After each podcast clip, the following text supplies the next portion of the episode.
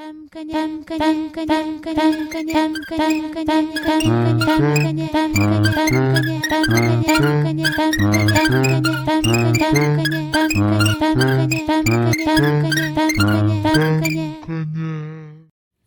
slušate 32. Femkanje. Naša današnja gošća je Margareta Jelić, vizualna umetnica i teoretičarka. Dobrodošla, Margareta.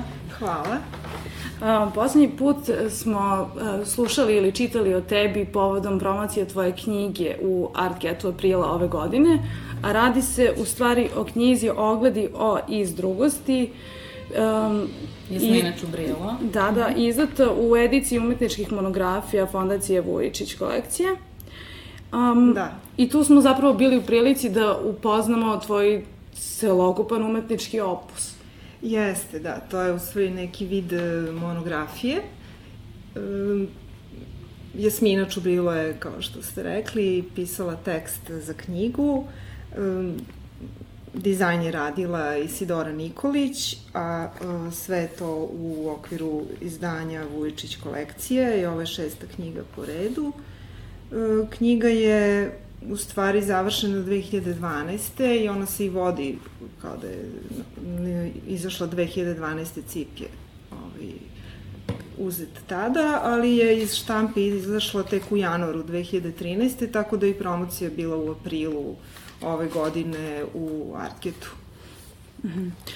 Um, razgovarala smo ja i Bojan o tome kako je tvoj opus u stvari veoma širok, ti već du, duže vreme stvaraš. Ti si diplomirala na um, fakultetu primenjenih umetnosti Jeste. još 92. Da i magistrirala 2006. na interdisciplinarnim studijama Univerziteta umetnosti i zatim 2008. i 2009. još a, dva doktorata. I ja bih e, pomenula teme tih doktorata, jer nekako oni imaju veze i sa samom tematikom da, da, da. Uh, Margaretinih radova. I to su iz 2008. Dok, doktorirala na temu teorije pogleda, pogled između slikarstva i medija, dok 2009. na, viš, na višemedijskoj umetnosti doktorira na odnosu posmatračeve i unakove percepcije u višemedijskom uh, delu. Um, ja predlažem da čujemo audio iz animiranog e, filma Četiri priče o nama iz 2007. Iz 2007. godine. Jer nekako mislimo, Katarina i ja, da je to m, najbolje da krenemo od, m, radi se o Marti. E, to je lik koji junakinja, stvari... Da, junakinja, iz mojih uh, radova, animiranih radova, to je crtanih filmova, kojih ima pet, ja mislim, u toj seriji i četiri priča nama je treći po redu. E, čućemo sada uh, audio iz, znači deo iz četiri priča o nama, pitanju je druga priča.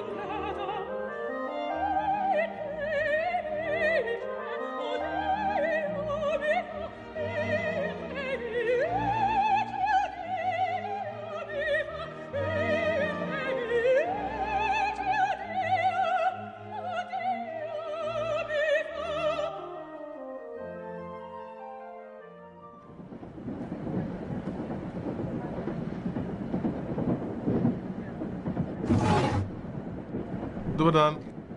Dobar dan. Oprostite što vas prekidam. Vi ste meni od nekuda veoma poznati. Kao da smo se već sreli.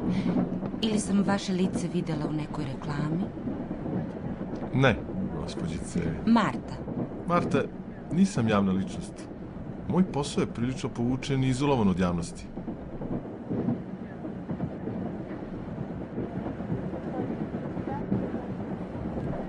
Margareta? Ja nisam Margareta. Pogrešili ste. Zašto se stalno krijete iza Marte, lepa moja Margareta? Nadam se da ćete mi oprostiti za sve patnje koje sam vam nanao. Voljena moja. Gospodine, niste se ni predstavili. Verovatno ste me pomešali sa nekom drugom osobom. Ne, nisam. Mi se poznajemo od uvek. Vi ste tako divna osoba, Margareta. Ja pišem o vama.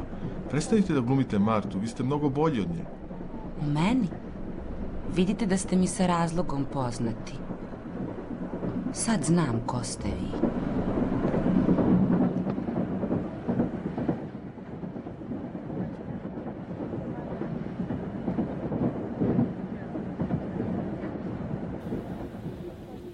Mm, dakle, 2007. u filmu Četiri priče o nama se prvi put zapravo uh, uh, ukazuje na to da Marta ima veze sa Margaretom, s obzirom da je prvi animirani film Marta i njeni prijatelji da. nastao 2000. godine. Posle sedam godina uh, otkriva se da je zapravo Marta Margareta. Da, da, pa da, tu sam iskoristila ovaj, da ovu priču da na neki način i pokažem da je u stvari Marta neki moj alter ego, recimo, da tako nazovem, a u stvari ovaj putnik u vozu, nepoznati putnik, eh, on, mislim, to je negde za, mislim, nije možda ni bitno za ovaj rad, ali uh, on je Gete, koji uh, se upoznaje sa Martom, a, Gete je pisao u Faustu o Margareti, I onda je sad, mislim, to samo neka ovaj, zanimljiva okolnost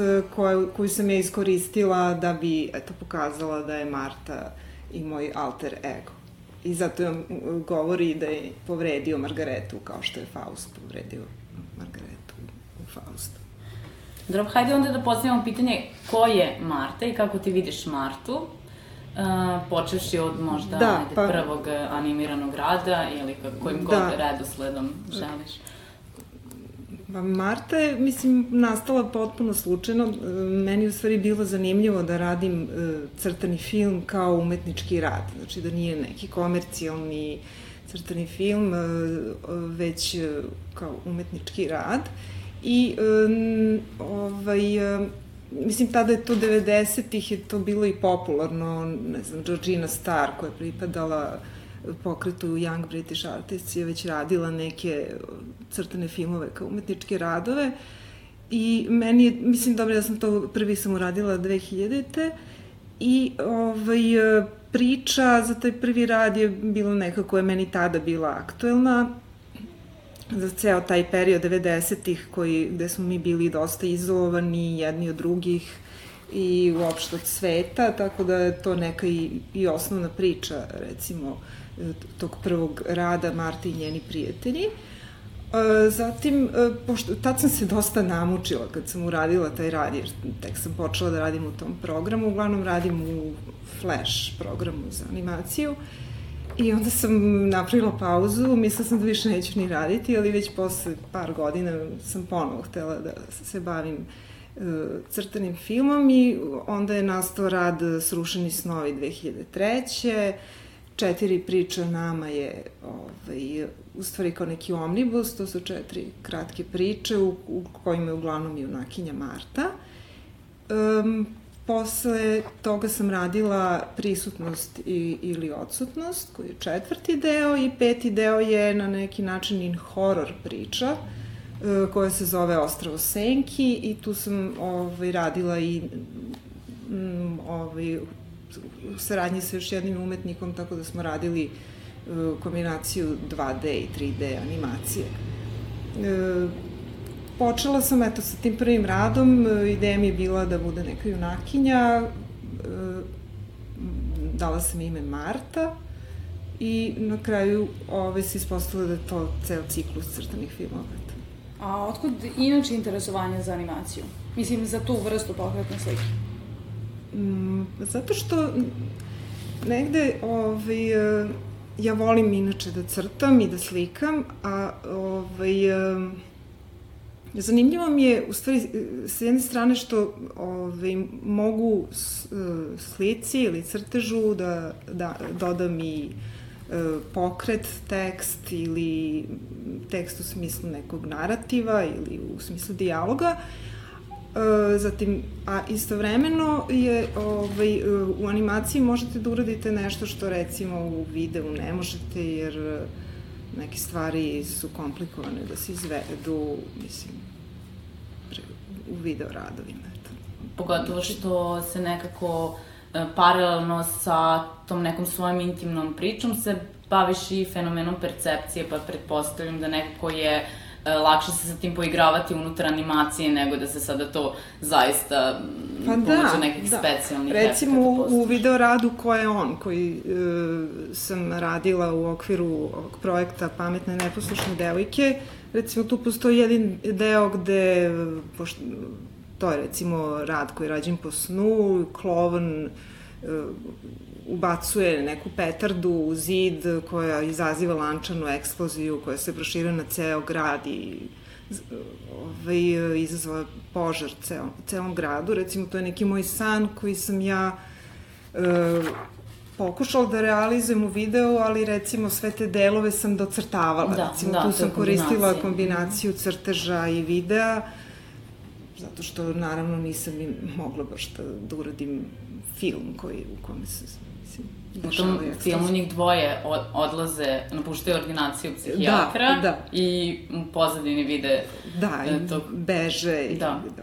klovna koji je na ivici halucinacije zapravo u, u, u tom trenutku kada u toj sceni ne vidi se tačno o čemu se radi, uglavnom vidi se da je pogled e, likova ti i još... E, da, to da. je, glumio je Igor Gostuški, moj drug, ko, koga sam u stvari ja i sanjala, mislim, u tom snu, tako da on pristao nekako da, da odglumi u tom videu i Video je crno-beli, samo je, recimo, nos klovna je crveni i ta vatra koja, koja je docrtavana je isto crvene boje. A inače, primetila sam da u animiranom filmu Četiri priče o nama uklapaš u animaciju video materijal. Kao red... Da, da, to, da. Jeste, to sam, ovaj, Pa da, kao što sam u ovom Ostrovu Senki to eksperimentisala sa 3D i 2D animacijom, u, u radu četiri priče o nama sam u, u svaku priču ubacila samo po par nekih kadrova, jedan insert koji je bio snimljen, usnimljen. Uglavnom su to snimci koje sam sama snimala.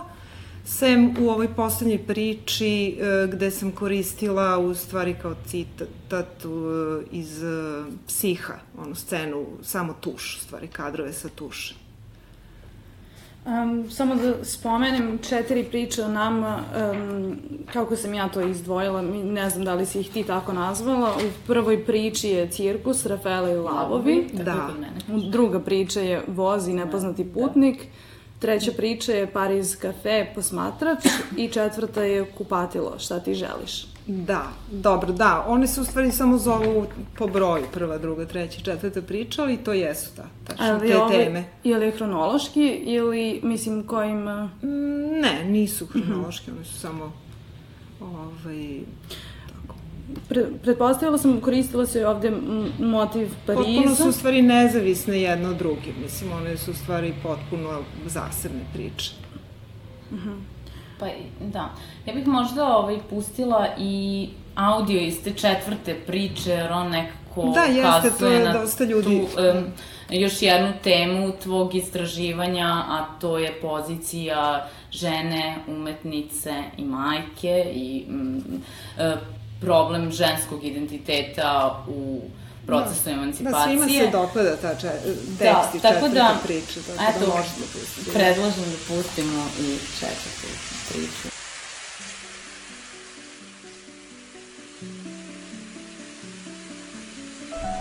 Šta ti želiš? Da li, da li je ovo život koji si želela? Želim slobodu. Da li si slobodna? Mislim da sam blizu slobode. Još neki detalji su potrebni da se isprave. Nervira me jer nekad mislim da ne znam šta želim. Menjam se stalno. Čas hoću nešto, čas nešto drugo.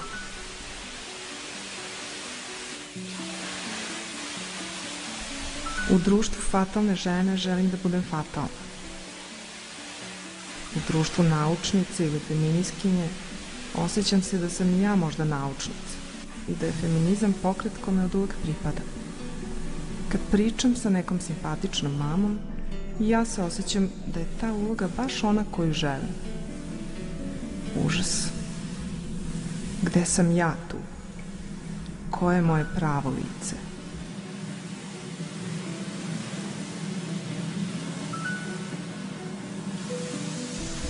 Šta ti želiš?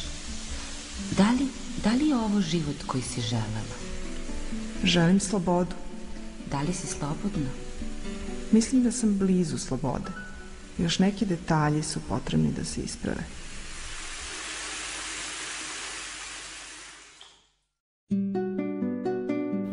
Ovde si kombinovala kadrove iz filma Da, to je da, iz filma Psiho, jer Marta se tu ovaj, tušira dok...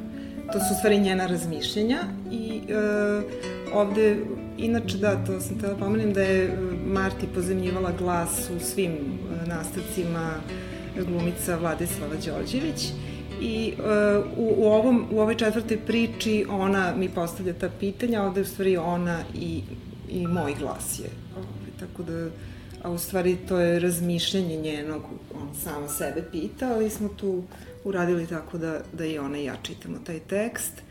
I recimo ta, ta scena je m, muziku za ovaj radije radi isto Igor Gustuški. E, Rad četiri priče o nama je izložen u salonu Muzeja savremene umetnosti u Beogradu 2007. godine. Kustos izložbe je bila Marina Martić i um, pored ovog rada izložene su i slike koje su ovaj, bile u vezi sa ovim radom i baš recimo ova, četiri, ova četvrta priča gde je Marta u kupatilu, baš postoji takva slika koja je potpuno ista. Recimo, za, za neke e, scene iz animacija sam radila slike koje su bile gotovo iste, samo rađene u drugom, drugoj tehnici, a za neke priče sam radila neke slike koje su recimo vezane recimo za temu cirkusa, ali nije bukvalno Ali šta prvo nastaje? Slika ili... Pa zajedno nastaju. Da, zajedno da, nastaju. Da, da, zajedno i nekako dopunjuju jedne druge. Znači slike, mada on i rad, sam animacija može da stoji zasebno kao rada i slike naravno isto mogu same za sebe, ali izložene tako u jednom prostoru čine jednu celinu. Eto. I sad recimo šest godina kasnije, da li možda imaš neke dodatne odgovore na to pitanje? E, šta želiš? Nemam. ne.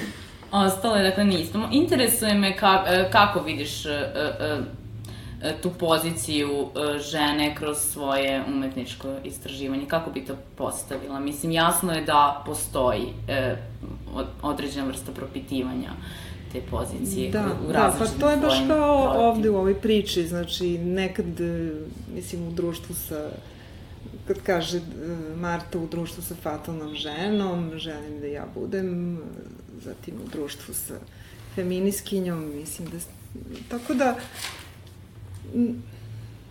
da sebe e, kao ženu i umetnicu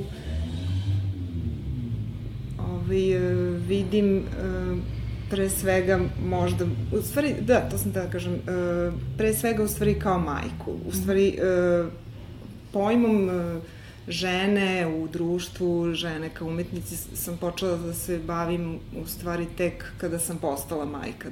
Do tog perioda u stvari nisam razmišljala da li sam muško ili žensko. Neka su me potpuno druga pitanja interesovala i to su bili u stvari sadržaj e, mojih radova do tada, ali kada sam postala majka, e, onda sam ovaj, e, počela da se bavim e, pitanjem žene, pozicije žene u društvu, pozicije žene u porodici, e, zatim žena kao majka, odnos sa detetom i e, od tada počinje u stvari moji, e, moji radovi e, počinju da imaju tu tematiku. Da, u sledećem radu koji um, zapravo, koji si predstavila javnosti, čini mi se, nije. Dobar dan, gospodine Noa, dolazi posle uh, četiri... Da, Dobar dan, gospodine Noa je potpuno rad na drugu temu. Da, da, da, ali što se tiče Marte, ovo prisutnost i, ili odsutnost, Da, to je sledeći rad posle, da, četiri priče o nama. On nema tekst, mislim, nema tekst u smislu dijaloga nema. E, ovaj, I on je e, u stvari jedan radni dan e, Marte i njene čerke.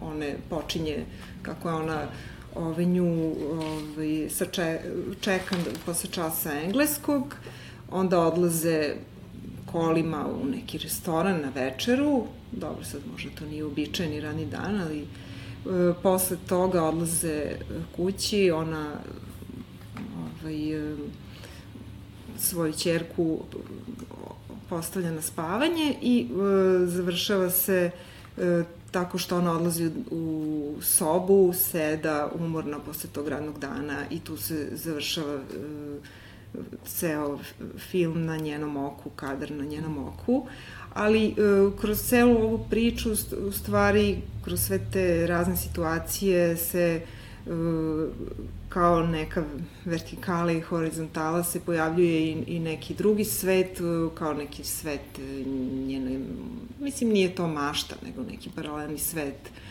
ovaj, sim, slika, označitelja koji se sada proširuju na neke druge stvari. Znači ona, pojavlja se leptir, školjka, zastava crvena, znači to su neke slike koje ukazuju sad na neku drugu priču paralelnu. Mm -hmm. I, ovaj, ali to, prvi put sam počela u stvari da se bavim odnosom majke i deteta sa radom to jest instalacijom bez naziva, to je koja je 2003. izložena u galeriji Zvono mm -hmm. i e, to je instalacija u, e, koja se sastoji od jednog objekta, kade, e, napunjene vodom, iznad kade e, je jedna bočica postavljena iz koje kaplje voda, znači imamo taj osjećaj protoka vremena kroz to kapljenje vode i čuje se i zvuk kapljenja vode. E, zatim e, je bila projekcija slajdova, e, oko 30 nešto više slajdova, radova u stvari moje čerke, koje je ona tada radila sa svojih četiri godine i onda sam ja fotografisala te njene kao neke objekte koje pravila i neke mini instalacije od mm -hmm. raznih igračaka i nekih predmeta iz kuće i ovaj, u stvari to je bilo neka simbioza njenog rada i mog u stvari korišćenja njenog rada za svoj rad. Ali uh, ovaj, i ali prvi neki uh, rad sa konceptom, baš onako zvaničnim je uh, odnos u kome ispitujem odnos majke i deteta je bio rad pametne neposlušne devojke, koji mi je u stvari neka vrsta omaža ili eto, rađenje po uzoru, mislim, inspirisanje radom Mary Kelly, postpartum dokument, koji sam uh, ja sasvim slučajno, baš kada sam bila u drugom stanju sa svojom čerkom, uh, videla u celosti izložen u Beču. To je radi 70 97. godine. E, sasvim slučajno sam ga ja 98. E, videla u Beču i srećna sam zbog toga jer je to genijalan rad, mislim. Um, tu u okviru te instalacije imamo i video projekciju iza pozornice. Da, u okviru I, ovog, e, da, da. neposlušne devojke. I tu je takođe vrlo interesantan zvuk. Um, da, taj zvuk je u stvari uh, snimljena jedna pesma, neka ljubavna jevrijska pesma, koju u stvari, koju sam ja pročitala i koja je u stvari puštena unazad. A to je isto rad koji je rađen po snu i zbog toga sam stavila da tako bude neki zvuk da ne, jer se ja ne sećam teksta iz uopšte govora iz tog sna i onda tako ima neku tu dimenziju oniričku. Na koji način uh, po, povezuješ sam sa stvarno, što to me interesuje, ti nešto sanjaš i onda uh, zapišeš? Nemam, da, mislim, to je, to, nas, ne postoji kod mene neki kontinuitet, mislim, to su možda i par snova koje sam realizovala, ali ne, ne bavim se snovima, mislim, ne, ne bi mogla sad da kažem da se time bavim, to je potpuno slučajno, su mi ti snovi odgovarali u stvari za te radove, pa sam ih iskoristila. Inače, da, nema. pa dobro, mislim... Da, i u, jeste, i u, u tom radu tvojima, su dva sna. Mm -hmm. da, iz... I u tvojim drugim nekim radovima, Martin njeni prijatelji, tu takođe postoji nešto što je na ivici u stvari postoji ja, taj san koji da. ti prepričavaš. Da, tačno. Pa, pa onda san, imamo srušene da. snove. da, to Animirani film. Da. da um, ali m, on nekako bih rekla da to isto tako ima, ima veze sa, sa fenomenom percepcije koji takođe istražuješ da. u nekim pa da. Da. A, drugim radovima. Isto tako prisutnost i ods, ili odsutnost, tu mi je jako zanimljiv zvuk. Tu nekako zvuk i daje tu neku dramatičnu notu tog odsustva, jer nekako sve vreme e, postoji taj zvuk e, na koji deluje mi kao da se junakinja fokusira na taj zvuk u stanju odsutnosti, ne znam da li viljuške kašike dok su na da, večeri, da, pa da. onda ti brisači u yes. vožnji i na kraju zapravo kada ostaje sama prestaje zvuk. Da, da, baš je Ovi, da, i, i to je, mislim, rad koji, da, nema uopšte nikakvu muziku, ovi, u stvari to je samo ogoljena svakodnevnica na neki način i možda su ti zvuci zato tako i zvuče kao možda malo i ovako spuki. Ono što bih još pomenula vezano za odnos majke i deteta, pa posle možemo i o drugim stvarima, da. je, je slika idealan uh, raspored. Da li bi mogla nešto malo da, da, da mi da. kažeš? Da, ja sam na to zaboravila. U stvari, to je, da, to je rad koji je u stvari nastao pre ove instalacije sa kadom. a isto se bavi, da, uh, na neki način e, pozicijom žene u porodici kao majke. I to je uh, slika koja je u stvari ispisan jedan radni dan isto tako. Jer sam ja u stvari pokušavala da maksimalno organizujem svoj radni dan koji je tad postao već komplikovan e, zbog toga što sam ono, bila udata, postala majka, znači imala sam sad neke obaveze koje do tada nisam imala u svom životu, a žela sam da nastavim da se bavim umetnošću i onda mi sam pokušavala da nekako se maksimalno organizujem, da imam vreme za svoj rad i a kad god organizujem to vreme za rad, onda sednem i ne znam šta da radim, jer ono, potpuno su mi ispržnjene misli, jer se bavim samo kućnim poslovima i poslovima oko deteta i nisam znala ovaj, kako ću sad dalje da nastavim da radim. I, ovaj, I onda sam u jednom trenutku sam gledala u tu svoju agendu i, i baš taj raspored mi je izgledao super, kao da ga prepišem onda na to platno, pošto i onako ne znam šta bi drugo radila. Ali na neki način, tad, baš kad sam se suočila sa tim problemom, onda, sam, onda sam mi i krenuo.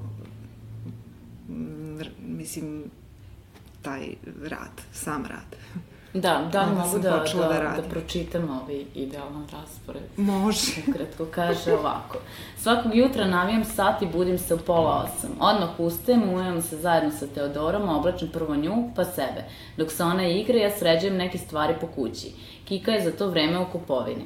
U 9 sati je doručak, doručkujemo svi zajedno i u pola 10 e, dolazi dadilja. Kika tada kreće na posao, ja odlazim u svoju sobu za rad. Radim do 5.30 sa malim pauzama za kafu. Sedim u svom malom ateljeu i pokušavam nešto da radim. Borim se sa klaustrofobijom i smišljam koncepte za svoje radove. U pola, de, u pola šest dadilja odlazi, Teja i ja se igramo do pola sedam kada dolazi Kika sa posla. On je onda malo pričuvao da bih se još ne, da bi ja još nešto sredila u kuhinji. E, večera ručak je u sedam, večera ručak. E, svi smo opet zajedno. U osam kupamo Teu i ona je u krevecu do devet. Ponedeljkom i srednjom i petkom idem na vežbe, rekreativno, sve jedno. Trudim se da legnem do ponoći. Pre spavanja, ako je 11 sati, sređam još neke stvari po kući i idem u kupatilu.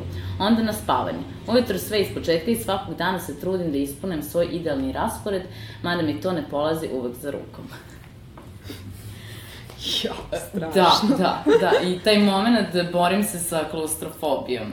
Um, pretpostavljam da si u tom malom ateljevu probala da, nekako da... Da, pa jeste, to je bila jedna soba stvarno mala i u kući tad u kojoj smo živeli i tu sam se ja izdvajala da radim, ali nisam mnogo radila. Ali... Da li je ta mala soba imala veze sa tvojim daljim promišljanjem prostora u tvojim radovima? Mm, pa ne, u okviru da, celog tog projekta Idealan raspored e, postoje slike koje su u stvari slike, recimo neka rekonstrukcija tog prostora u, kog sam, u kom sam tada živela. Pa možda, da, možda je to počelo. Ne mogu sad, nisam o tome razmišljala, ali možda. Ali ono što, ono što mi je zanimljivo, sad evo primećujem da recimo to bavljanje svakodnevnicom i tom nekim životom koji je potpuno ogoljen do nekih ono, banalnih stvari koje mi radimo. Recimo, to se pojavljuje u ovom radu idealan raspored. Onda malo pre sam pomenula, da, prisutnost i, ili odsutnost. I, e, i e, u ovom nekom mom najnovijem projektu, mislim, jednom od novih radova, Fotoboot se zove, to su, e, to je serija od 200 fotografija, autoportreta koje sam fotografisala nekim programom u kompjuteru koji se zove Fotoboot po uzoru mm. na ove, govo, ove, ne govornice, nego kabine za fotografisanje. Ali, e, recimo, ta, u stvari, svi ti radovi su negde možda inspirisani Onka Varinim radom njegovim serijom I'm Still Alive, razglednicama koje je slao svojim prijateljima ili sa datumima, mislim, negde ja sam oduševljena tim njegovim radovima i to mi možda negde uvek bilo u glavi kada sam se ovaj, kada sam radila isto ove radove. Meni je zanimljivo u stvari kako si ti dosta usmerena na samo posmatranje. Mislim, ti sama posmatraš svoje aktivnosti i svoje doživlje, da onda kasnije transponuješ, a onda u samom, u samoj izvedbi tih radova a, da. opet zadržavaš a, status posmatrača. I onda zapravo na tome da. si i da. doktorirala, na teoriju da, pogleda. Da, da, Onda tim povodom bih uh, pomenula taj uh, video instalaciju Dobar dan, gospodine Noa. Da, samo ovo što je Katarina uh mhm. -huh. rekla, da, to je zanimljivo, jer u stvari pogled, to je, uh, kako recimo možemo najlakše da objasnimo šta je u stvari pogled, recimo, ta teorija pogleda koje, na kojoj sam doktorirala je po jednoj Sartorovoj priči, gde on u stvari posmatrao kroz jednu ključonicu nešto što se dešavalo u jednoj prostoriji i onda je čuo šuštanje e, lišća koje je e, izazvano koracima nečim i postoje svestan da prisustvo nekog e, drugog koji gleda, koji može da vidi njega kako on gleda kroz tu ključonicu. Ovaj primer je dao Lacan kada je hteo da opiše u, ovaj, u svom jednom poglavlju o pogledu šta je to pogled. Znači, pogled nije sam, e, samo gledanje koje je vezano za oko ili za vizualno, nego već sama ta neka e, svest, eto da da i mi smo možda posmatrani. Znači, mislim, to si dobro primetila. To, da... to, a to me sada asocira na poslednju scenu iz filma Prisutnost ili odsutnost, što se završava da, na oku. Da, da. U trenutku da. kada ostaješ da. sama. Da. Izvini, Marta ostaje sama. Da. A, da, izvini, mm, ovaj, da. Boja, ti si htela da kažeš sad da povežeš to sa radom Dobar dan, gospodine mm. No. Pa, zato što je to zapravo Jeste, tvoj da, doktorski Da, pa projekt. da, je, baš je ovi, Jasmina je ovi, u, u ovoj knjizi, evo da pomenemo i knjigu o kojoj smo počeli da pričamo, ogledi o izdrugosti. Uh, ona nalazi da je rad Dobar dan, gospodine Noa um, jedan možda i od najzrelijih mojih radova, to je instalacija četvorokanalna projekcija isto animiranog rada, ali ovaj animirani rad nema nikakve veze sa Martom. I da sam u stvari tu stvarno uh, možda primenila tu, to svoje teorijsko znanje sa u stvari u svom radu, praktičnom radu i one i po, pominje ovaj rad u svom poglavlju umetnosti i teorija želja drugog, gde ovaj, u stvari naglašava da se u tom radu baš vidi to preplitanje teorije i umetnosti. Um, I u stvari kao i tema samog doktorskog projekta, jeste odnos bio posmatračeva. Odnos posmatračeve i junakove percepcije, da, u višemedijskom delu. Um, jer u stvari ovde u ovom radu ja istražujem u stvari odnos posmatrača, odnosno publike u, sa radom, odnosno sa instalacijom. Jer u svak, ki posmatrač, odnosno publika u galeriji je uvučena u rad, u instalaciju, u prostor. I ovde ja u stvari bukvalno kroz neke scene, sad možda je sad to komplikovano da toliko opisujem, ali... Ali nekako bih rekla da smeštaš posmatrača u isti prostor u kome da, je... Da, jer on, posmatrač je neizmenično gleda isto očima junaka, a neizmenično gleda junaka sa strane. Jer, e, to je u stvari, Dobar dan gospodine Noa je isto jedan radni dan gospodina Noe. E, I sad imamo njegove scene buđenja, doručka, odlaska na posao, zatim on na poslu ima to neko zanimanje da brani grad od uh, jednog... Da, zmaja. koji napada ljude i sad baš u toj sceni gde on uh, na poslu u kancelariji, gde on u stvari brani ljude od tog zmaja, on u stvari igra igricu kao u stvari, jer on komanduje, imate komande gde se bori sa zmajem preko svog računara i e, sad njegov e, prozor na kompjuteru, to jest ekran na kompjuteru vidi ono što se vidi kroz prozor zgrade. Tako da, a u nekim scenama imamo samo ono što se vidi na kompjuteru, tako da se tu stvari pre, prepliću percepcija publike sa percepcijom samog gospodina Noe u nekim scenama. Da, i, i nekako ističeš uvek repetitivnost tog eh, radnog dana, pa nekako onda da. ukazuješ da. na to, to postaje stanje da. u jednom trenutku. Meni se čini da je apsolutno neminovno da se baviš takvim temama, zato što iz, jel, sve vreme mi se čini da od, od prvih tvojih radova je ta neka nadrealna atmosfera. Mislim, to se baš, nekako mi je bilo Um, zapravo prvo sam pogledala rad ovaj Dobar dan gospodina Noja, pa sam nakon toga pogledala ovaj, prisutnost ili, i, ili odsutnost, što i jeste hronološki, ali ovaj, mi se čini da, da uzimaš scene koje jesu svakodnevne kako bi u njih projektovala um, so, sobstveni doživljaj. I najlakše je zapravo onda čini mi se koristiti svakodnevicu. Da, Pa da, to je realizam u stvari. Da. Ali htjela sam da te pitam šta je crveni leteći zmaj? Da, pa on ovde predstavlja neko zlo, recimo, pošto kao na, na primjer na ikoni Sveti Đorđe ubija Aždaju, ta Aždaja i taj zmaj u stvari, u stvari bukvalno izgleda kao ta Aždaja sa ikone. A to je zanimljivo jer neki ljudi koji ovaj, poznaju, mislim, recimo moja nastavnica joge tada, ovaj, ona smatra da je zmaj nešto dobro, jer u indijskoj filozofiji, koliko znam, je predstavlja nešto dobro, ali ovde kod mene on predstavlja neko zlo u budućnosti ili, ili možda komunizam ili ne znam sad šta bi mogo da bude. A meni se učinilo, mislim, razmišljala sam o tome kako je zapravo to jedna abstraktna situacija u kojoj a, gospodin Noa brani grad od crvenog letećeg zmaja, što... I onda sam razmišljala, i samo preplitanje e, onoga što ona radi u kancelariji, onoga što se navodno dešava napolju ili izvan.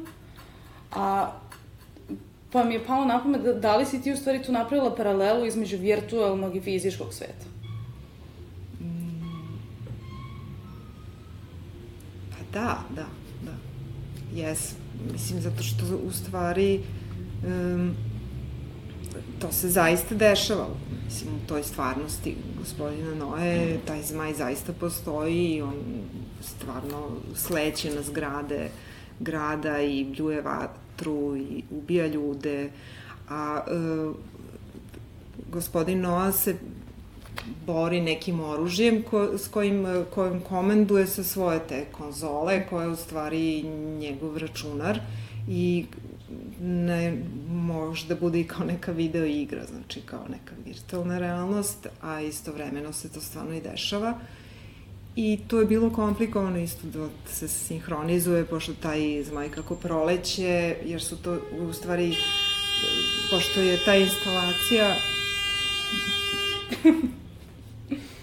četvorokanalna animacija i e, svaka u stvari projekcija predstavlja u stvari jedan zid kao četiri strane jedne prostorije. E, i u ovoj sceni gde, gde on u svojoj kancelariji, znači skoro sve tri strane imaju prozore, četvrta ima vrata i na tim prozorima, znači zmaj proleće i vidi se u jednom trenutku na, na svakoj strani, a mi ga sve vreme vidimo na prednjoj sceni gde je sve vreme otvoren kompjuter, znači -hmm. e, tako da postoji taj neki paralelno, znači virtual, virtualna realnost na kompjuteru i realna kao realnost, mislim, ovaj, S obzirom da si sada u, u, u okviru naše priče vezano za Dobar dan gospodine No uključila i taj religijski moment, ja mislim da je vreme e, da, da te pitamo i e, e,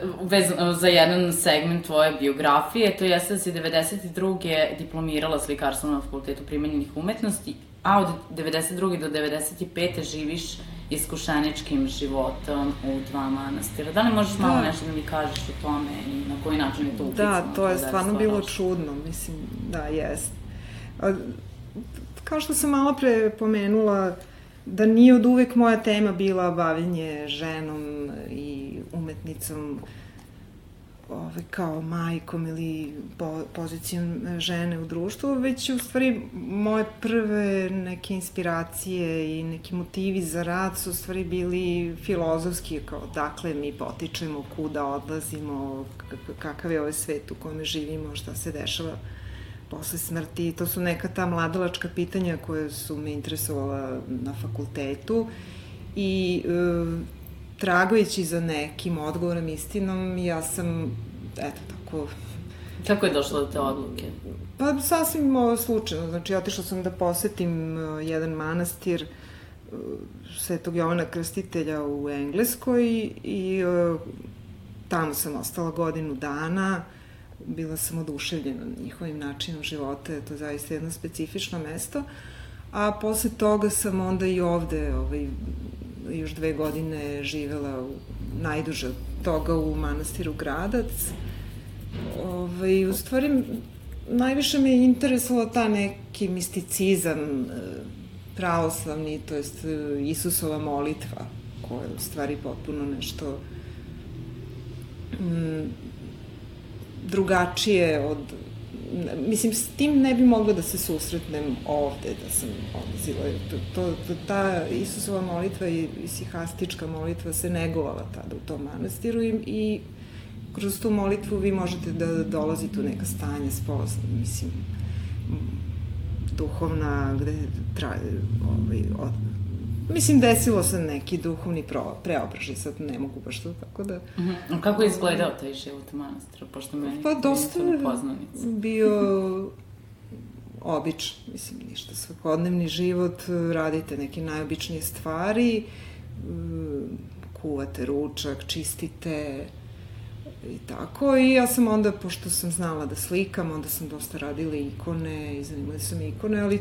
mislim, taj period je stvarno bio čudan, jer u stvari to je bio period između 92. i 95 kada se i ovde svašta dešavalo i svi moji prijatelji su tada i, i negde otišli ili u stranstvo ili mislim, bile, a ja u stvari nisam otišla zbog toga na neki način, to je bilo kod mene dosta intuitivno, ali sada kad sagledam, verovatno je bilo pod uticajem opšte stanja i I želje da pobegneš da, i neke izolacije koje je postojala ovde i znači to je verovatno ta neka intuicija koja mi je naglašena kao inače u životu, pa verovatno sam zbog toga otišla, ali imala sam zanimljiva ta duhovna iskustva kroz on, život, mislim, susretanje sa zanimljivim ljudima, monasi, monahinjama i monasima, jer među njima zaista ima zanimljivih ljudi. I to je trajao tako taj period, obično traje tri godine i onda se odlučite pa da li, mislim, i eto, zanimljivo je da me, u stvari, ono što me nateralo da, da se vratim u ovaj zemaljski život u gradu, je bio u stvari neki nagon za materinstvo. Što je to zanimljivo, jer se time bavim posle kroz radove. Znači, ta neka uloga žene e, kao majka i uloga majke, mislim da je vrlo bitna u ovaj, ženskom životu i to je ono što sam istraživala kroz sve ove radove i što sada isto radim kroz jedan rad koji se zove Pijeta i tako. A, I onda se 96. godine udaješ. Da. I 99. godine dobiješ... E, čerku, da. Teodoru. I krećeš zapravo ponovo da se baviš e, svojim ličnim umetničkim Da, vrlo brzo, da.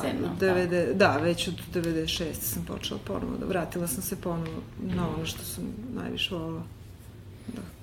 Slikarstvo. Da, da, primećujem da si jedan duži period radila samo sa slikom ali da... Jeste, pa da, pa ja najviše volim u stvari da slikam, mislim, to je negde ovaj, ono što je neko moje osnovno zvanje, a sve ovo drugo je kao neki eksperiment ili odlazak u nešto drugo, ali je negde u, u osnovu svega toga je slika, mogu da kažem. I, i dobro, i teorija. A jel imaš možda neki, mislim, po čemu ti vrednuješ jednu statičnu sliku više nego animirani film? Mislim, šta je to što te drži tako vezanom za sliku? Da, to je teško pitanje. Mislim, s obzirom na to... Slika ostaje kao neki predmet. Mislim, to isto, ja mislim, on, ne znam, ne, mislim, ne mogu sad baš, jer negde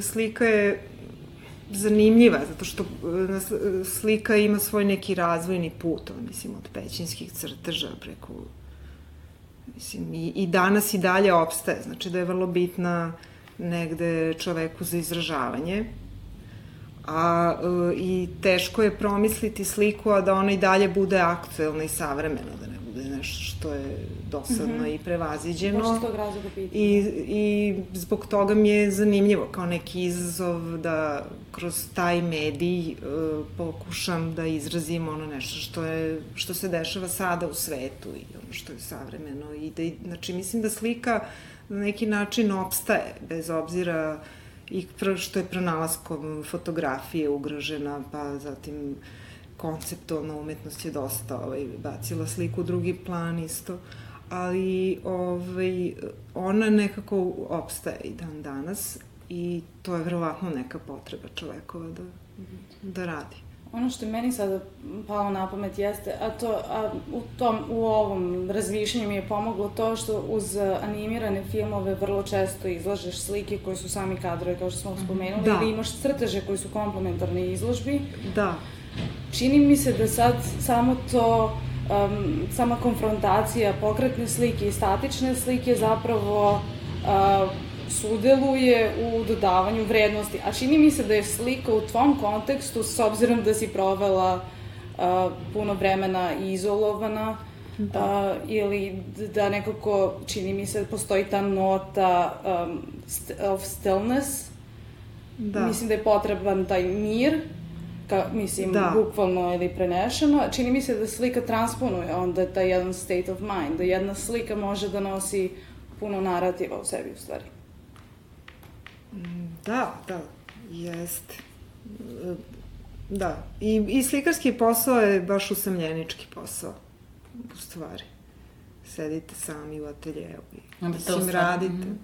Rekla bih da, da je postavila ta potreba da se sama slika, s obzirom da su, e, da, da se osjeća isti, isti rukopis i u animaciji i da, u slikama, da. nekako mi deluje kao da si želo da oživiš te svoje već e, postojeće slike i onda nekako konstantno postoji ta komparacija između slike da, i da. statične slike i pokretne slike. Pa da, te u stvari animacije su u stvari crteži, dobro, slike, crteži i, on, i tu i nema puno pokreta, mislim, ima, ali to jesu kao neke žive slike koje... Da. Da, nije u stvari ta neka klasična animacija. Nije, nije, da. da. Vrlo je slikarski nekako čitav taj e, pristup i dosta koristiš zvuk i nekako mislim da i zvukom potenciraš taj da. pokret.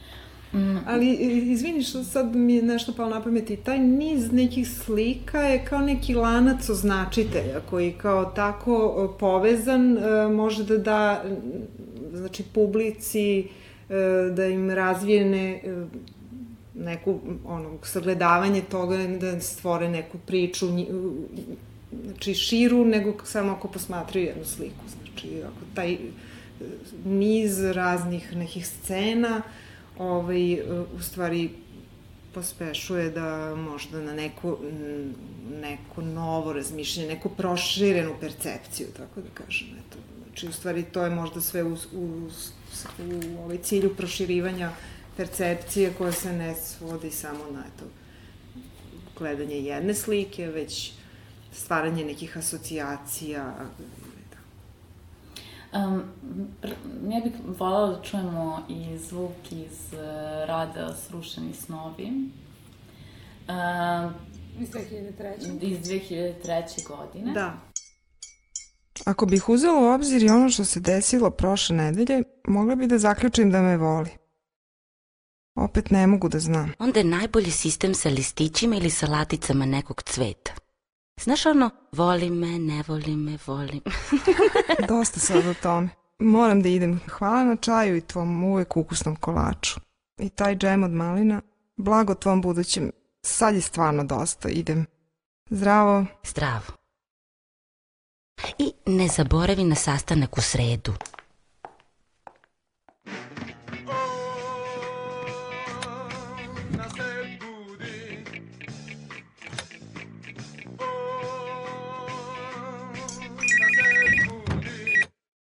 Halo?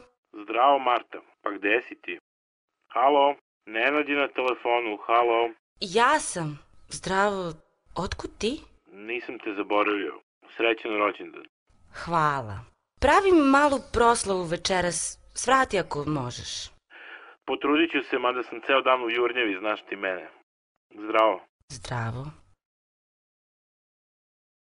29. rođendan baš i nije neki povod za slavlje.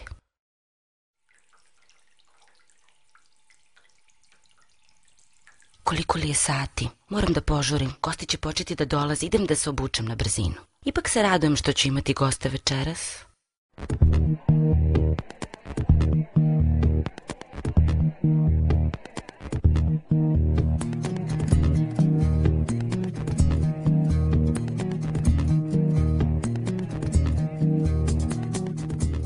Opet smo svi zajedno. Ko bi rekao posle toliko vremena? Ja nemam utisak kao da je toliko vremena prošlo. Ni ja. Samo se ipak osjećam drugačije. A na šta misliš? Mislim na snove. Na snove? Da, imam utisak kao da sad imam manje snova. Šta, loše spavaš? Ma ne, ona misli na one druge snove kad si na sanjaš. A, to je druga stvar. Vidiš, ja nisam razmišljao o svojim snovima. Ali evo Marte, hajde da pitamo nju. Marta, da li imaš ti snove kao i ranije? E, mislimo na sanjarenje, znaš, na maštarenje. Da, imam. Ali mnogi su nestali. Srušili su se. Srušili? Da, srušili su se kao, kao stare oronule pozorišne kulise. To je grozan osjećaj, zar ne? Vreme je njihov najveći neprijatelj. Tužna je ova tema. Hajde da igramo. Pa danas je Martin rođendan.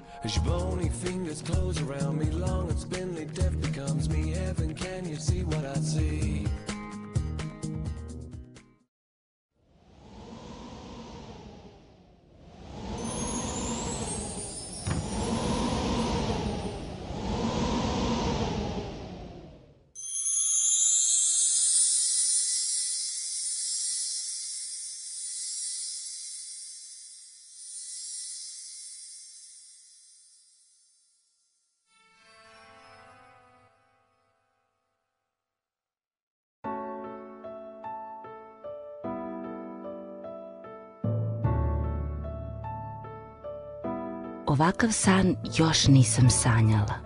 Da li tu nešto piše na ovom nebu?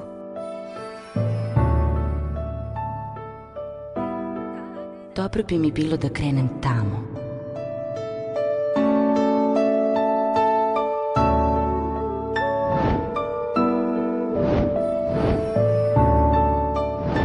Ti čuvaš moj san, zar ne? I mene u njemu?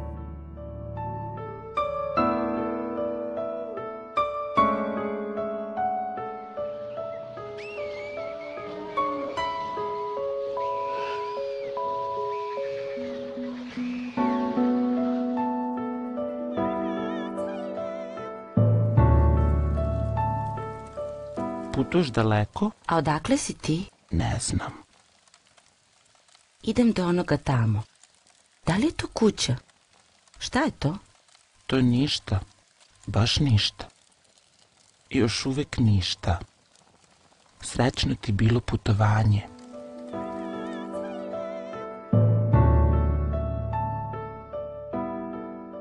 Ovo i nisu slova. Ovo su stvari samo srebrne i zlatne ribice što plivaju u jezercetu. Klinaste, šiljaste, okruglaste.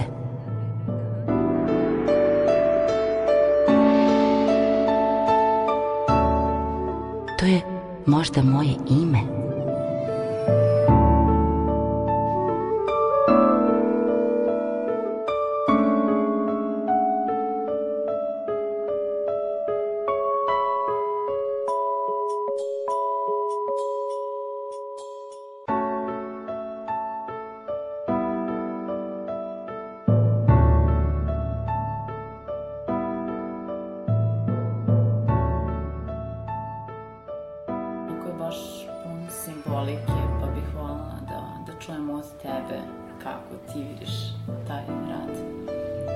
Da. Pa to je prelazak u 30. godine, kada neki sad snovi, on, neki iz mladosti, on, se ili ostvaraju ili ne ostvaraju, zato se zove srušeni snovi. E, a istovremeno ima simbolike e, jer u prvom delu cele priče Marta je sve vreme u interijeru, u nekoj realnosti, a ona odlazi u eksterijer i u neku avanturu u svom snu. Znači, to je neka pozicija žene koja je u domu, recimo da kažem, u društvu, a njena sloboda ili neki avanturizam, putovanje u pustinju, mislim, su maltene nemoguća e, zbog svih njenih obaveza i zbog toga se to njoj dešava samo u snu. Eto, recimo, to je neka osnovna podela tog rada. U ovom delu gde u snu ona susreće neke razne zanimljive ljude na tom putovanju i u stvari ona su, u stvari, to je traganje za identitetom, u stvari ona u tom je, jezeru vidi da to nisu ribe, nego su slova i da je to možda njeno ime, u stvari to je neko traganje za identitetom, je u stvari suština te priče. A priča samo počinje naj... Um, Da, njenim 29. rođendanom. Da, a i pre, pre toga se dešava ta neka najbanalnija moguća priča o, o muškarcima između Jeste, dve da. drugarice. I onda se dešava taj 29. rođendan, međutim to Pa da, da, jeste, 2003. počinje, to sam zaboravila, da, da. da. pa jeste, da, to je kao večita neka kao tema. E, Rad nastaje 2003. godine, kada si ti već uveliko imala 29 godina, Da, pa da. interesuje e, kako da si se vratila Pa na to dobro, posle par mislim godina. ja možda i sporije sazreo. Mislim, mm -hmm. pa sam tek tad shvatila da Šta je bio više 29. rođendan? Da. mhm. 30 i nešto, i možda taj neki e, deo, mislim, tih 3-4 godine koje sam živela Mhm. u manastiru, mi se onda čini kao da, da ih i nisam živela, pa sam možda se osjećala mlađi. Da. ali to je to. A i nešto kad proživite, tek onda možete o tome da pričate, a ne, dok se to dešava, onda niste ni svesni šta se dešava, tek kad prođe neko vreme, onda zbog toga je verovatno. Ja bih se sada osvrnula na poslednji rad koji si produkovala, isto animirani film Ostravo Senki, Da. koji je prikazan u Muzeju savremene umetnosti Vojvodine. prošle godine, čini mi se. Da, 2012. jeste, u junu. A, isto si a, izložila animirani film, to je bila instalacija zajedno sa slikama. Jeste, da. Um, I tu si takođe koristila isti princip, to jest projektovanje rada na dva susedna zida. Da. U, u tom da, smislu je to da. bila instalacija. Jeste, to je bila instalacija, da, zato što su bile dve projekcije, ali ove, one sada nisu bile direktno povezane kao ovaj, u radu Dobar dan gospodine Noa i samo da napomenem da sam e, taj rad radila u saradnji sa Aleksandrom Đilasom koji je radio, e, zajedno smo radili priču, mislim scenario i ovaj, on je radio pozadine u Maji, a ja sam radila likove u Flashu, tako da sam to bilo zanimljivo jer je bila kombinacija ovaj, 3D i 2D animacije i, i to dosta zanimljivo izgleda jer je u pitanju je horror film, horror da ti je žar, tako da zanimljivo te 3D prostori izgledaju. I e, jedna scena je recimo obrnuta gde je, gde je 2D prostor u centralnom delu tog grada i ovaj, kada ulaze u interijer to je onda 2D a ovaj, tu se pojavlja neka 3D iguana, pošto je to sad... -huh. A meni je zanimljivo to kako si sada izašla iz ovog paterna a, svakodnevnih a, tema i je u stvari predstavlja Ostrava Senki za tebe? A, Ostrava Senki, to je zanimljivo, Jasmina Čubrilo primetila da ova, ova žena koja vodi Martu na tom putovanju, to je neko putovanje kroz Ostravo Senki, da je on u stvari predstavlja neku možda i pra majku, kao neki taj simbol pra majke. E, na, s, e, to je sada, mislim, jedna zazorna tema, kako da kažem, koja je produbljivanje svega ovoga do sada, jer šta, o čemu više da pričamo, mislim sad kao Marta je postala majka, opisan i sad to je, mislim, neko sad produbljivanje te teme, mislim, mm -hmm. i neko slučaj, mislim, horor, i da, sad to sam htela da kažem da, da je Marta zanimljiva zato što nju mogu da ubacim sad u bilo koji žanr, mislim, imam lik i sad me zanima horor tema, znači sad, eto to. Pa interesuje me, um, zapravo imamo eksplicitnu horror estetiku jedino u ovom radu sa Martom. Da. Tako. Ka da. Kako to, kako si se zainteresovala za... Kako si otišla od te zapravo imaginacije, imaginarno koje si imala i prethodnim radima? Da, pa negde možda zato što je to baš tako, roditelj uvijek kroz svoju decu tako saznaju stvari. Mislim, moja čerka je u tom nekom periodu volala da gleda ovaj Twilight serijal i horor je dosta popularan inače u filmu i onda sam možda i pod njenim opet utica, mislim, kao ovaj, i ja počela se interesujem za horor, a negde i možda u ličnom životu sam ovaj, došla do nekih horor tema. Šalim se, ne. Ovaj, mislim da je to zato što je to popularni žan bio ono, među adolescentima, moja čerka se u nekom tom uzrastu i sad opet ja kao majka radim nešto što je njoj zanimljivo, možda sad analiziram samu sebe, ne znam, mislim, ali možda je to neki razlog, ali eto i to je neka i istovremeno ta žena koja vodi Martu, to je isto jedan događaj koji se meni desio. Kada sam 92. sa jednom monahinjom bila u Vukovaru, tek kada je grad srušen, nas dve smo išle čamcem jer je bio srušen most i na drugoj strani obale u Vukovaru nas je čekao jedan čovek koji nas je proveo kroz grad. I to je u stvari opisano to putovanje, deset godina kasnije, znači sam uradila taj rad gde sam tu opet ja Marta, mene predvodi ta monahinja, ova žena izgleda u stvari obučena kao monahinja ili kao neka zabrađena žena. Ne, 10, 10. godina. Mm -hmm.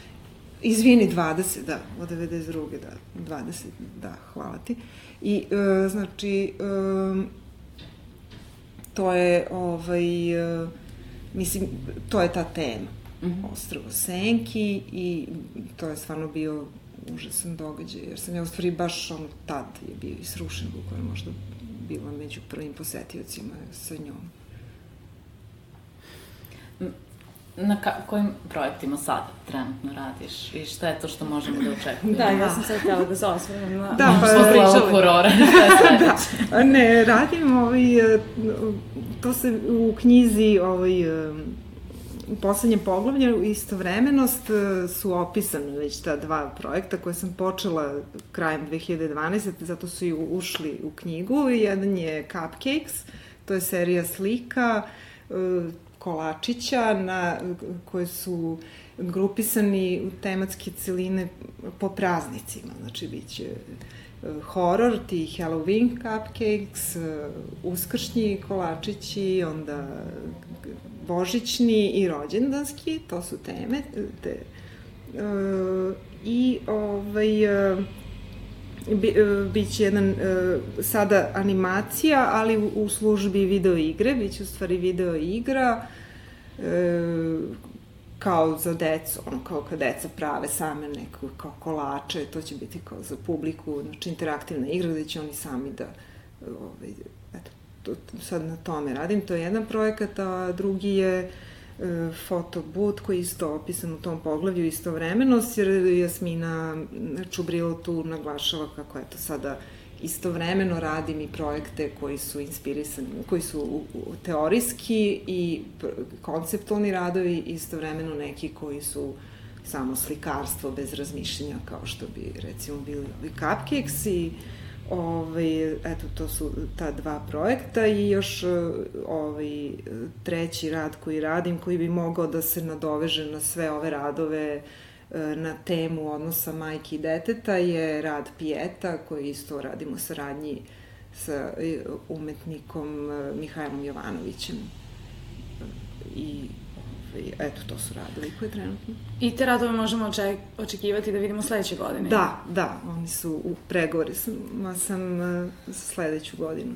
Bi trebalo da budu izloženi svi. Ja sam, um, neko ko nam je brzo prošlo vreme, ja sam se nadala da ćemo se malo više osvrnuti na teoriju pogleda i percepciju prostora i da se na to nadovežemo na uh, pojam vremena u tvojim radovima, a čini mi se da nemamo dovoljno vremena za sve to. Kad smo već kod vremena. Da. Ali sam, ne bih propustila priliku da te pitam um, kako to da su, svi, da su svi tvoji animirani filmovi i video radovi online? Kako to da, da mislim, kako je da, tvoja...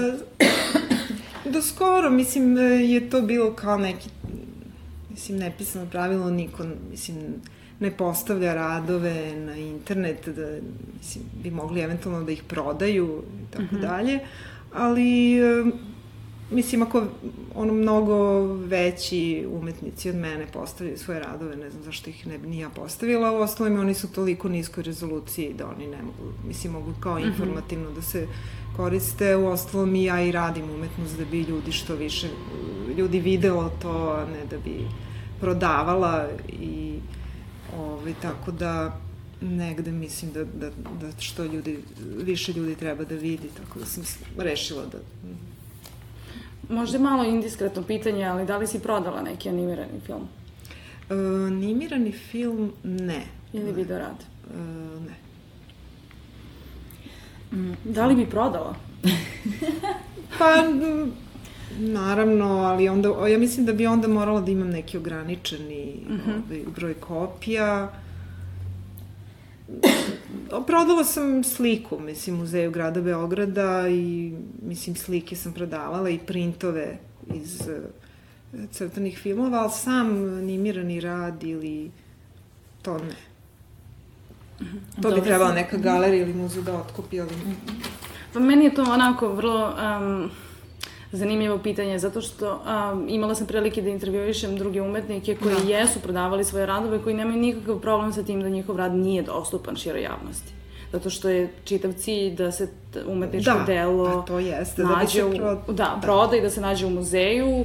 Jeste, ali dosta ovih radova je već ono odavno nastala i ako do sad nisu prodati, mislim da je bolje da ih ljudi vide nego da tako stoje negde. Ne, Mm -hmm.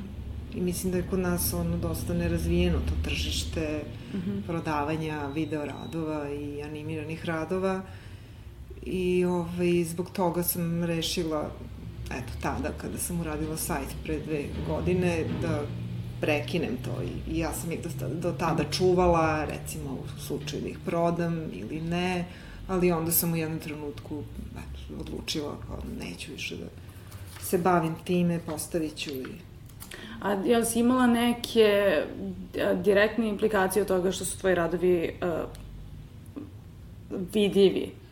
Mislim, da li si osetila neku dobit od toga što više ljudi videlo tvoj rad? Da li su ti se više da, da li sada ljudi misliš da ljudi bolje poznaju tvoju praksu, da li su ti se javljali, mislim, da li ne, misliš da si dobila uopšte, nešto ti? Mislim, ne znam, to me ni ne zanima, samo mi je recimo lako, na primjer, ljudi me pitaju šta ti radiš, šta je, onda im ja dam link, mm -hmm. pogledajte i onda mi je to mnogo lakše i da mogu da vide šta radimo. Jer mi dosta ljudi pita čim se baviš, šta radiš i onda recimo kad se nađem u, u nekoj situaciji da baš žele da rad i tu je blizu i kompjuter, oni odmah i pogledaju. Mm -hmm. I ovi baš neki su bili oduševljeni, recimo baš ovim radom Ostrava Senke, sad sam bila neki moji prijatelji u Engleskoj gde sam bila i ovim radom prisustvo ili odsustvo, ja im ih, ne bih nikad pokazala da je sad trebalo da, mislim, da dođe kod mene, da gledaju, ovako su ih videli i, i drago mi da su ih videli. Prosto imam utisak da to i nije baš toliko kada gledamo globalno česta pojava da se da se prodaje video radovi. Više se prodaju slike, mislim za pa- video radove mora da postoji neka druga scena, neka druga scena je u pitanju. Pa da. Prosto ovde u Srbiji trenutno mislim da ni ne pa možemo da... Pa da, evo Muzej grada Beograda je meni odabrao sliku da kupi, nije odabrao video. Mislim. E pa sad to sve ima veze sa tim našim poslednjim pitanjem koji volimo da postavljamo gošćima, to je kako vidiš svoju budućnost. Lepo pitanje. Ove, ovaj, svoju budućnost... E, pa vidim narednih dve godine svoju budućnost, dalje od toga ne gledam. ono, uvek imam neku backup varijantu da ono, odem u Indiju i nestanem. Ali, ovaj, šalim se. Nemam nikakvu, ovaj, vidim budućnost kroz budućnost svoje čerke, da ona završi školu, a ja se bavim on, onim čime se bavim i odlazim u svoje atelje svaki dan, radim najmanje 4 sata dnevno, trudim se i više i to je neka moja svakodnevnica i recimo znam ono što ću raditi narednih dve godine, šta ću pisati, šta ću raditi, sad dalje, ne znam, mislim, to toliko daleko. Kratkoročni da, snovi. Pa da, Nemam neke velike snove više. Nemaš više u odnosu na, na 29. godišnju da, Margaretu. Da, Dobro, e, i e, interesuje me da, koju tvoj izbor muzike. Da, e, šta si izabrala? E, da, odabrala sam PJ Harvey i njen album Stories from the sea, City, Stories from the Sea, to je album koji je posvećen gradu Njujorku i jedan od njenih najoptimističnijih albuma, ja nju volim, ona mi je onako super umetnica, negde smo slična generacija i tako, zato sam nju odabrala. Hvala ti što si bila gošća u Femkanju. Hvala ti. Hvala i vama što ste me zvale i super je Femkanje, baš mi se ovaj dopada. Drago nam je. Drago nam je. Zdravo. Ćao. Ćao. Femkanje, femkanje,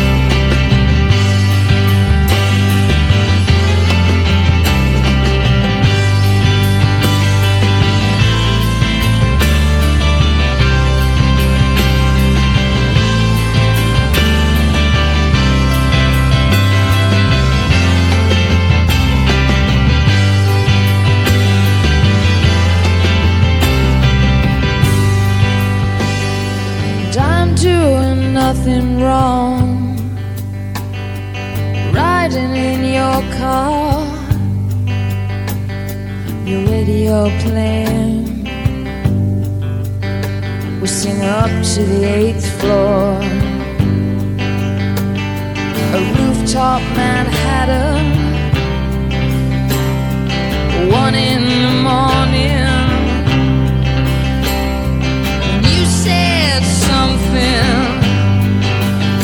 that I've never forgotten.